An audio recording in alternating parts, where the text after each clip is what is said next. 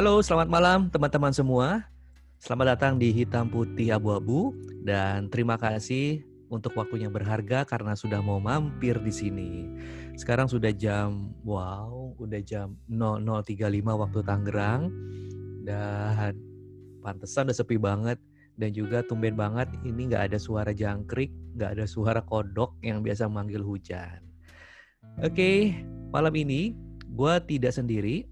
Ya, malam ini gue ditemenin sama seorang wanita cantik. Ya. Jadi uh, kalau gue boleh cerita sedikit, kenapa akhirnya kita memutuskan berdua. Jadi waktu itu tuh uh, kita teleponan ngebahas pekerjaan tiba-tiba dan ternyata dia juga bikin uh, podcast.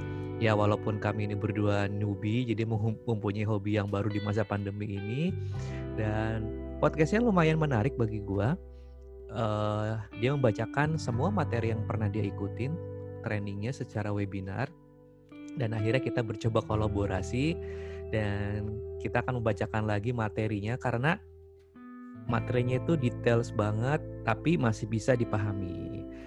Oke, halo selamat pagi ya udah bukan malam lagi ya. Selamat pagi Mbak Aya. Selamat pagi. Di sana jam berapa Mbak?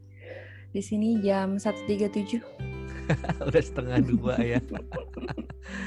Mbak Ya kenalan sedikit dong tentang diri Mbak Ya silakan. Halo, aku manusia, panggil Ayah aja, umur 37, sekarang domisili di Bali, pekerjaan cabin crew yang lagi pandemi.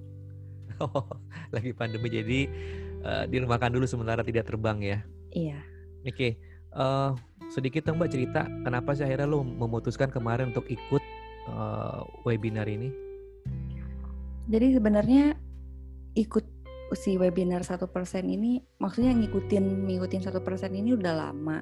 Tapi semenjak pandemi akhirnya kan di rumah aja. Terus ditonton tuh semua video yang ada di YouTube dan materi-materinya tuh kan menarik. Itu sampai semuanya di kubek semuanya ditonton. Terus akhirnya ikut mentoring. Oh, ikut okay. mentoring. Karena sempat waktu pas awal-awal pandemi itu memang ngerasa agak stres sih dengan uh, apa perubahan pola hidup dan semuanya ya. Terus ikutan itu bisa mentoringnya tuh bisa lewat chat bisa lewat phone call video call ketemu langsung juga bisa sebetulnya. Tapi karena jauh dan emang lagi pandemi jadi aku mutusin untuk uh, telepon. Dan dari, dari situ tuh ngerasanya kayak enak banget terus apa yang dibilang tuh ya bener gitu. Dia kayak psikolog gitu. Terus akhirnya karena dari mentoringnya itu berhasil ikutlah yang si kursus online training gitu. Ini namanya memang satu persen ya ada filosofi tertentu nggak sih? Soalnya sempat bingung ini apa kok satu persen gitu? Unik dan memang benar-benar eye catching gitu. Ada nggak mbak? Jadi si satu persen ini yang paling aku ingat adalah di setiap akhir video dia akan bilang at least kita menjadi lebih baik setidaknya satu persen setiap harinya. Oh, gitu. gak usah banyak-banyak deh, yang penting satu persen aja. Berarti itu udah ada perubahan yang menuju lebih baik ya. Wah, cool. Betul.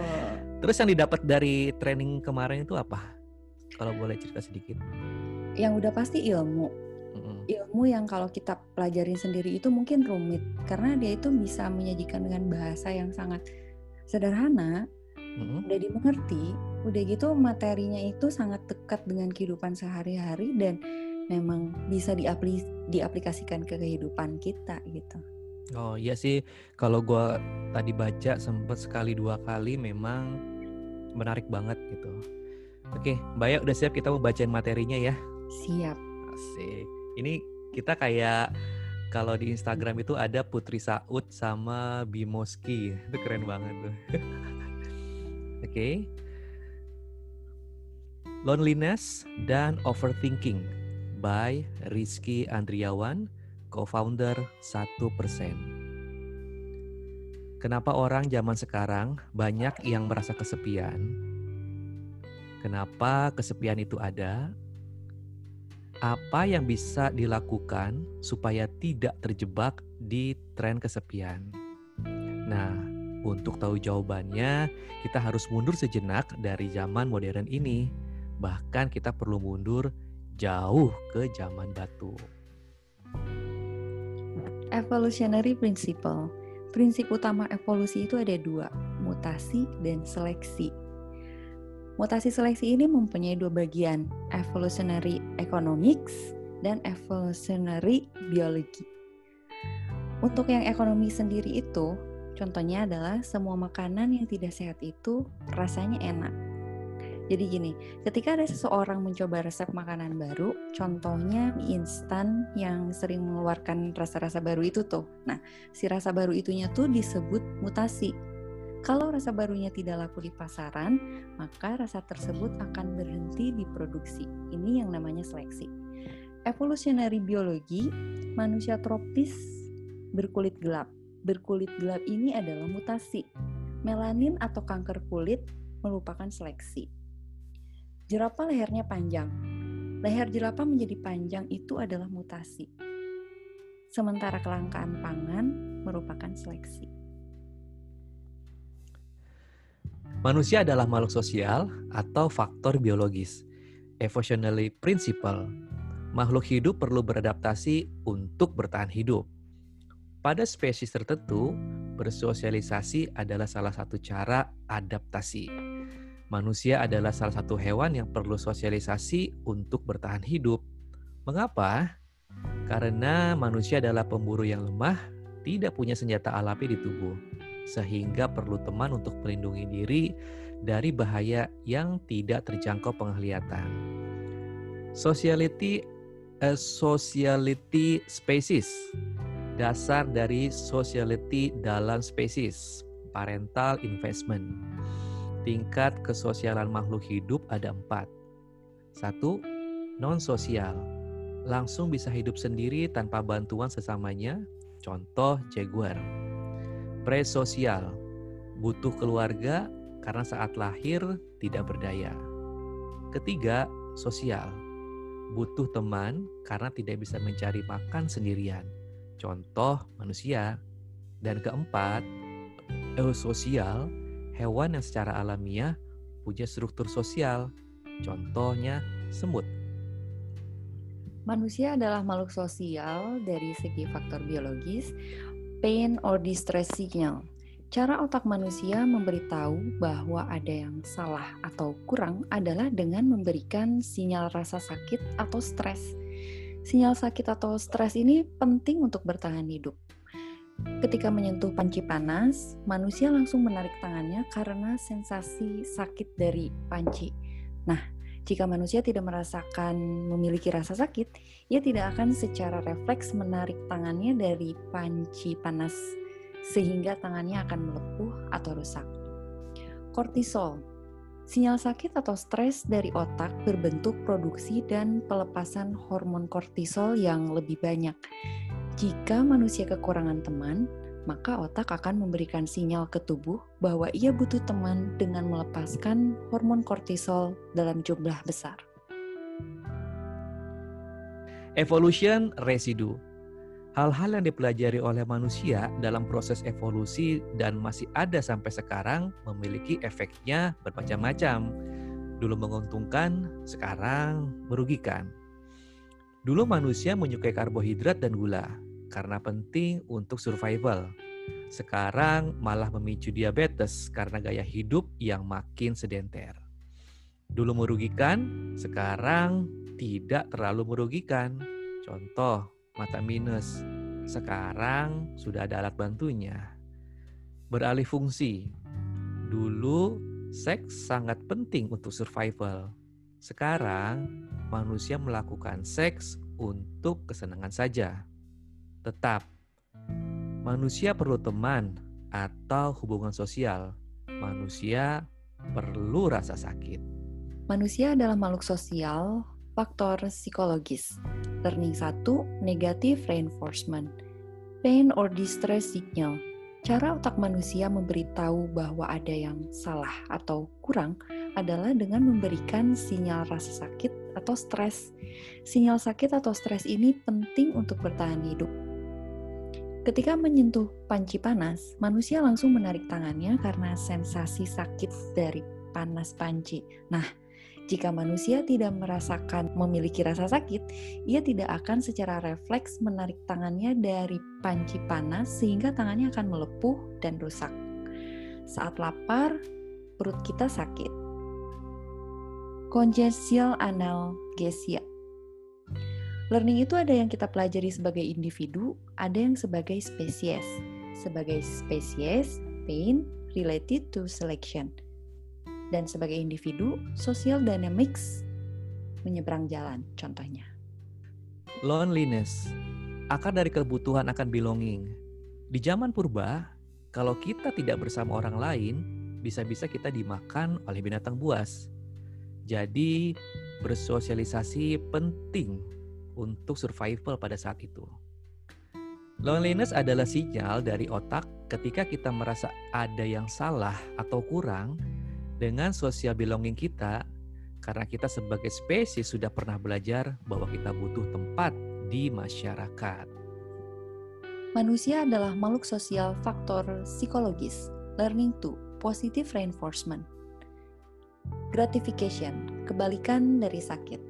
Teori operan conditioning atau Skinner, kemungkinan manusia memunculkan suatu tingkah laku untuk kedua kalinya tergantung pada konsekuensi yang ia terima saat pertama memunculkan tingkah laku tersebut. Konsekuensi dapat berupa reward atau punishment.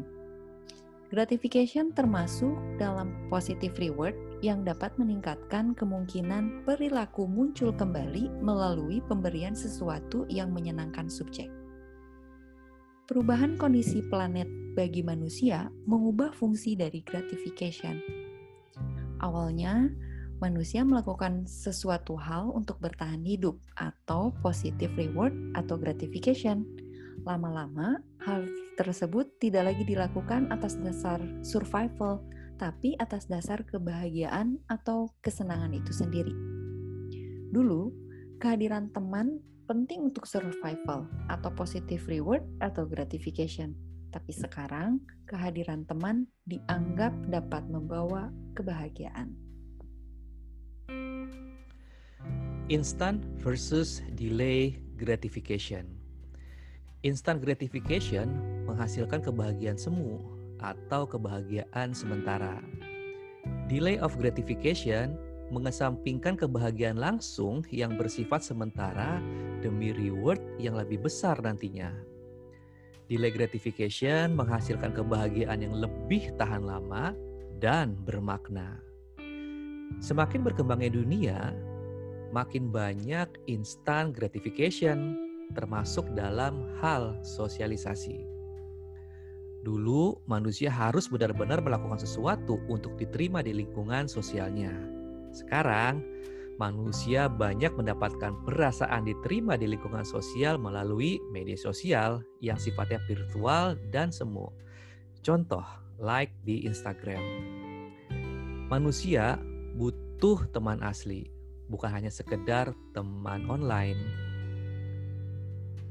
Addiction Instant gratification dapat membuat kecanduan, terutama untuk orang-orang yang tidak merasa dirinya bisa mendapatkan the real reward. Contoh, mengapa orang bisa kecanduan narkotika? Karena mereka merasa bahwa hanya narkotika yang bisa membuat mereka bahagia, Padahal kebahagiaan dari narkotika bersifat instant gratification. Setelah efek bahagia dari narkotika tersebut hilang, individu akan kembali ke kenyataan. Bagi orang yang dalam kesehariannya tidak punya alasan untuk bahagia, efek bahagia dari narkotika menjadi satu-satunya jalan untuk bahagia, sehingga ia menjadi pecandu narkotika. Masalah dari addiction mengganggu usaha manusia untuk mendapatkan reward yang nyata. 21 century problem. Mengapa manusia zaman sekarang rentan kesepian? Satu, biological versus social evolution. Manusia perlu rasa diapresiasi dan diterima di lingkungan sosial. Pada zaman dahulu, manusia harus melakukan sesuatu untuk diapresiasi dan diterima di lingkungan sosial. Dua, IT revolution, the illusion of instant. Karena media sosial dan kemudahan teknologi lainnya, perasaan diapresiasi dan diterima di lingkungan sosial itu lebih mudah untuk didapatkan. Bahkan terlalu mudah. Contoh, likes Instagram. Instant gratification dari rasa connected. Padahal manusia butuh rasa connected dari sosialisasi yang nyata. Tiga, information addiction. Para social relationship itu sama dengan timeline Instagram. Contoh, jika kamu berbicara secara langsung dengan temanmu dan kamu merasakan informasi yang nyata, tulus, dan suportif, kamu akan sadar bahwa kamu memiliki arti di hidup dia. Hal ini sesuai dengan kebutuhan akan social belonging. Jika temanmu memberikan like di foto di Instagram, apakah kamu akan merasakan hal yang sama? Hal ini serupa dengan cara kerja narkoba. Ketika fotomu di like, kamu merasa senang, otakmu merasa senang. Tapi tunggu beberapa menit kemudian, kamu akan merasa kesepian lagi. Cara mengatasi kesepian. Tiga kunci utama untuk atasi kesepian. Satu, terimalah bahwa diri kita adalah makhluk sosial. Jika kita bukan merupakan makhluk sosial, kita tidak akan merasa butuh sosial belonging. Ya, kita tidak akan merasa kesepian. Otak kita men-trigger perasaan kesepian karena dia merasa kebutuhan sosial kita tidak terpenuhi. Dua, kita butuh self-esteem. Kita butuh merasa jadi bagian dari masyarakat, diterima, dan dibutuhkan. Maka dari itu, kita harus mengembangkan diri. Terkadang manusia tidak gaul karena tidak pede. Jadi, tingkatkan self-esteem terlebih dahulu. 3. You have to act. Jika sosial media memang mengganggu usaha kita memberantas kesepian dengan memberikan gratification palsu, maka ada kalanya kita harus berhenti menggunakan sosial media. Apa yang dapat kita lakukan satu, meningkatkan kesempatan untuk berinteraksi sosial secara nyata. Jika perlu puasa media sosial, kenapa enggak? Dua, memperbaiki social skills. Contoh, baca buku atau konsumsi konten yang mengajarkan skill sosial. Tiga, sadari bahwa sosialisasi dari media sosial saja tidak cukup. Empat, jalin hubungan yang nyata dan intimate dengan orang-orang di dunia nyata, bukan di dunia maya. Cara agar tidak overthinking saat kesepian. Satu, sadari dan terima kalau kamu sedang kesepian. Kedua, tetap berusaha jalin kontak dengan orang tersayang karena ternyata support orang tersayang terbukti dapat menurunkan tingkat kesepian. Ketiga, lakukan aktivitas sehari-hari seperti biasa. Keempat, lakukan aktivitas yang kamu suka. Lima, latihan mindfulness dengan meditasi. Keenam, pelajari filosofi stoicism atau filosofi santuy. Tujuh, ubah mindset. Nah, bagaimana kalau sudah overthinking? Jika dirasa belum pernah, satu, Sadari dan terima bahwa kamu sedang overthinking. Dua, coba latihan mindfulness dengan meditasi. Tiga, sadari hal-hal yang membuat kamu overthinking, lalu tuliskan hal-hal tersebut. Pisahkan mana yang bisa atau tidak bisa kamu kontrol. Pikirkan solusi untuk mengatasi hal yang bisa kamu kontrol Sedangkan untuk hal yang tidak kamu kontrol, let go. 4. Ubah mindset. Jika dirasa parah atau sampai mengganggu aktivitas sehari-hari, minta bantuan profesional, psikolog atau psikiater. Physical distancing. Survei YouGov 2009 mengatakan milenial merupakan generasi yang paling merasa kesepian ditambah himbauan physical distancing saat ini, maka semakin besar tuh kemungkinan untuk merasa kesepian. Apa yang dapat dilakukan jika mengalami kesepian selama masa physical distancing? Satu, sadari apa emosi yang sedang dirasakan. Dua, lakukan rutinitas sama seperti yang sebelum physical distancing, seperti jadwal tidur teratur, bekerja di jam kerja, dan lain-lain. Tiga, olahraga. Empat, makan yang bergizi dan minum air putih untuk menjaga kesehatan dan konsentrasi.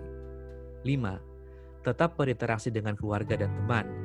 Jika terhalang jarak, kamu bisa menggunakan media sosial seperti WhatsApp, Skype, Zoom, dan lain-lain. 6. Tetap optimis dengan ingat bahwa situasi ini hanya sementara. 7. Jika merasa cemas atau ketakutan berlebihan, segera cari bantuan profesional. 8. Sosial media is such a bad place to interact, but it's better than nothing. Apa itu kesepian? Kesepian adalah situasi yang dialami individu ketika ia merasa kekurangan, baik kuantitas maupun kualitas, terhadap hubungan sosial. Kata "ia merasa" itu mempresentasikan persepsi dia ketika merasakan, mengalami, dan mengevaluasi keterasingannya dan kurangnya komunikasi dengan orang lain. Tanda-tanda kamu merasa kesepian terus-menerus merasa lelah.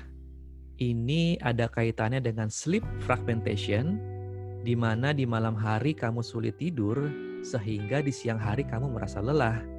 Dan sleep fragmentation ini merupakan prediktor dari loneliness. Sering berbelanja.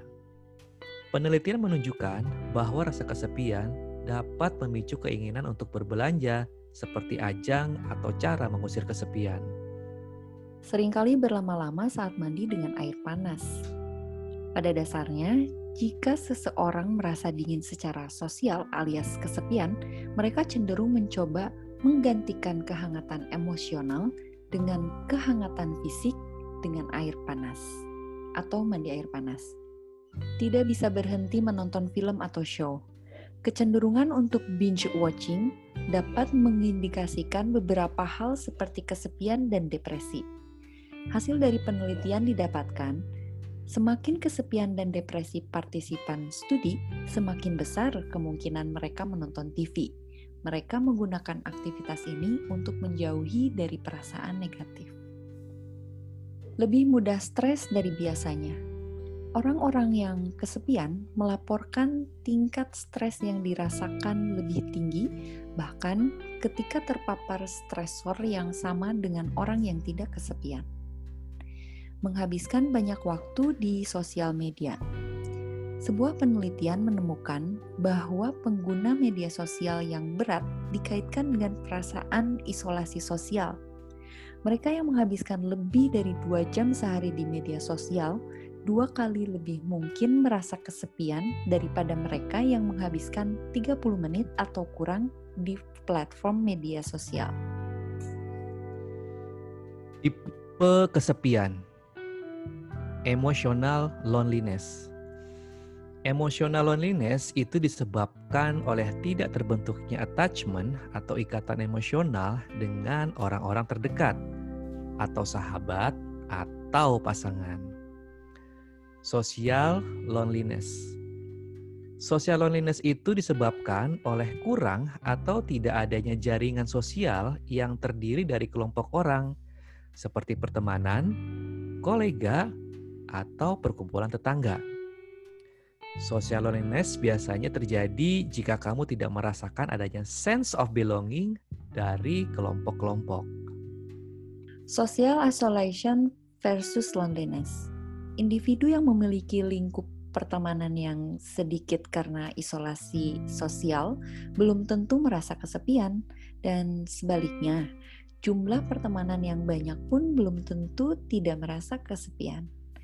Hubungan antara isolasi sosial dan perasaan kesepian yang dirasakan dimediasi oleh beberapa faktor seperti karakteristik hubungan, apakah hubungannya selalu tersedia atau tidak, pemaknaan atau arti hubungan bagi individu dan durasi hubungan.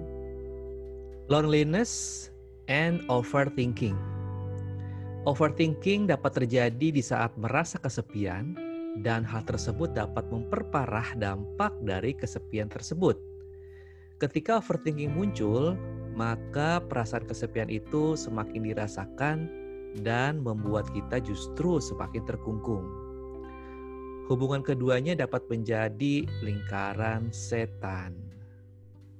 Apa yang terjadi ketika kesepian? Satu, meningkatnya hormon stres. Dua, sistem saraf mengaktifkan mode flight and fight yang membuatmu menjadi susah tidur. Dan yang ketiga, meningkatkan sel darah putih yang menyebabkan inflamasi jangka panjang yang membuatmu jadi rentan mengalami sakit fisik. Dampak jika tidak ditangani. Sebenarnya, Kesepian merupakan perasaan natural yang mungkin dialami semua orang di satu titik dalam hidupnya. Akan tetapi, jika perasaan kesepian yang berkepanjangan dan tidak diatasi, dapat berakibat mengalami depresi, kecemasan, atau PTSD.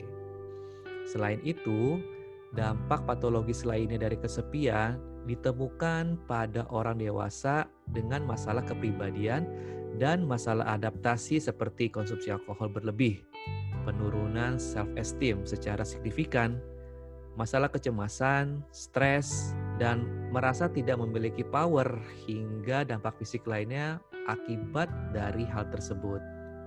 Apa yang menyebabkan kesepian? Satu, berusia lanjut lebih dari 60 tahun.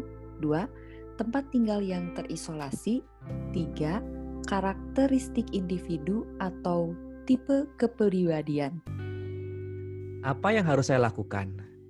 Jika berdasarkan tipenya, kesepian emosional dapat diatasi dengan cara membangun dan memelihara sistem pendukung atau support system yang sehat. Umumnya, jika kita tidak dapat membangun hubungan persahabatan secara instan ataupun menemukan your soulmate dalam satu malam, tapi yang bisa kita lakukan untuk memaksimalkan peluang kita untuk memiliki hubungan yang dalam adalah dengan reach out teman-teman kita atau kalau perlu menginisiasi pertemuan dengan teman-teman kita. Apa yang harus saya lakukan? Social loneliness muncul jika kamu merasa left out dari kelompok kamu umumnya dirasakan jika pertama kali masuk sekolah lagi atau datang ke pesta besar. Salah satu cara untuk mengatasi ini adalah dengan memasuki kelompok baru. Carilah aktivitas yang kamu senangi atau kelompok yang beberapa personilnya sudah kamu kenal, berusaha untuk bergabung dengan kelompok tersebut. Beberapa cara untuk mengurangi dampak kesepian mengidentifikasi tanda-tanda kesepian sehingga kamu bisa coba telaah penyebab dari aspek mana. Satu, jika itu relasi sosial. Coba untuk memperdalam kualitas relasi kamu, bisa dengan pergi berlibur bersama, sharing atau saling bercita bersama, cari partner atau pasangan yang memiliki sikap, kebiasaan, nilai, dan minat yang kurang lebih sama dengan kamu. Dua, jika berkaitan dengan kegiatan, bisa kamu mencoba bergabung dalam komunitas atau kelompok peminatan tertentu yang kamu senangi.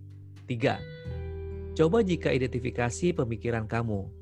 Biasanya kamu merasa kesepian karena beberapa pemikiran ketakutan yang kamu miliki. Identifikasi pikiran dan berikan bukti-bukti dari pikiran agar kamu dapat menentukan apakah hal tersebut fakta atau hanya opini kamu? Mengatasi overthinking. Satu, berlatih mindfulness. Dua, menuliskan pikiran. Tiga, membuat batasan. Empat, melakukan aktivitas yang dapat menyibukkan diri. Oke, teman-teman, ini adalah pada slide terakhir dan di dalam slide tersebut dia punya empat pertanyaan jadi silakan nanti teman-teman jawab sendiri ya.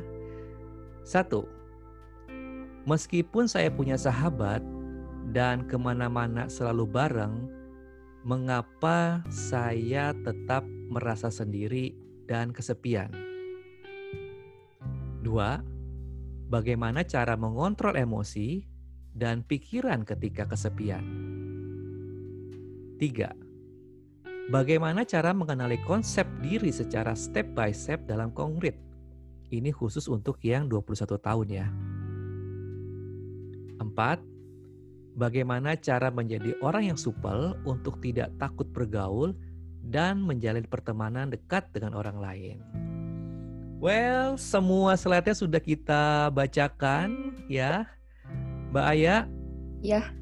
Terima kasih banyak sudah mau sharing dan sudah berbagi uh, voice overnya di sini.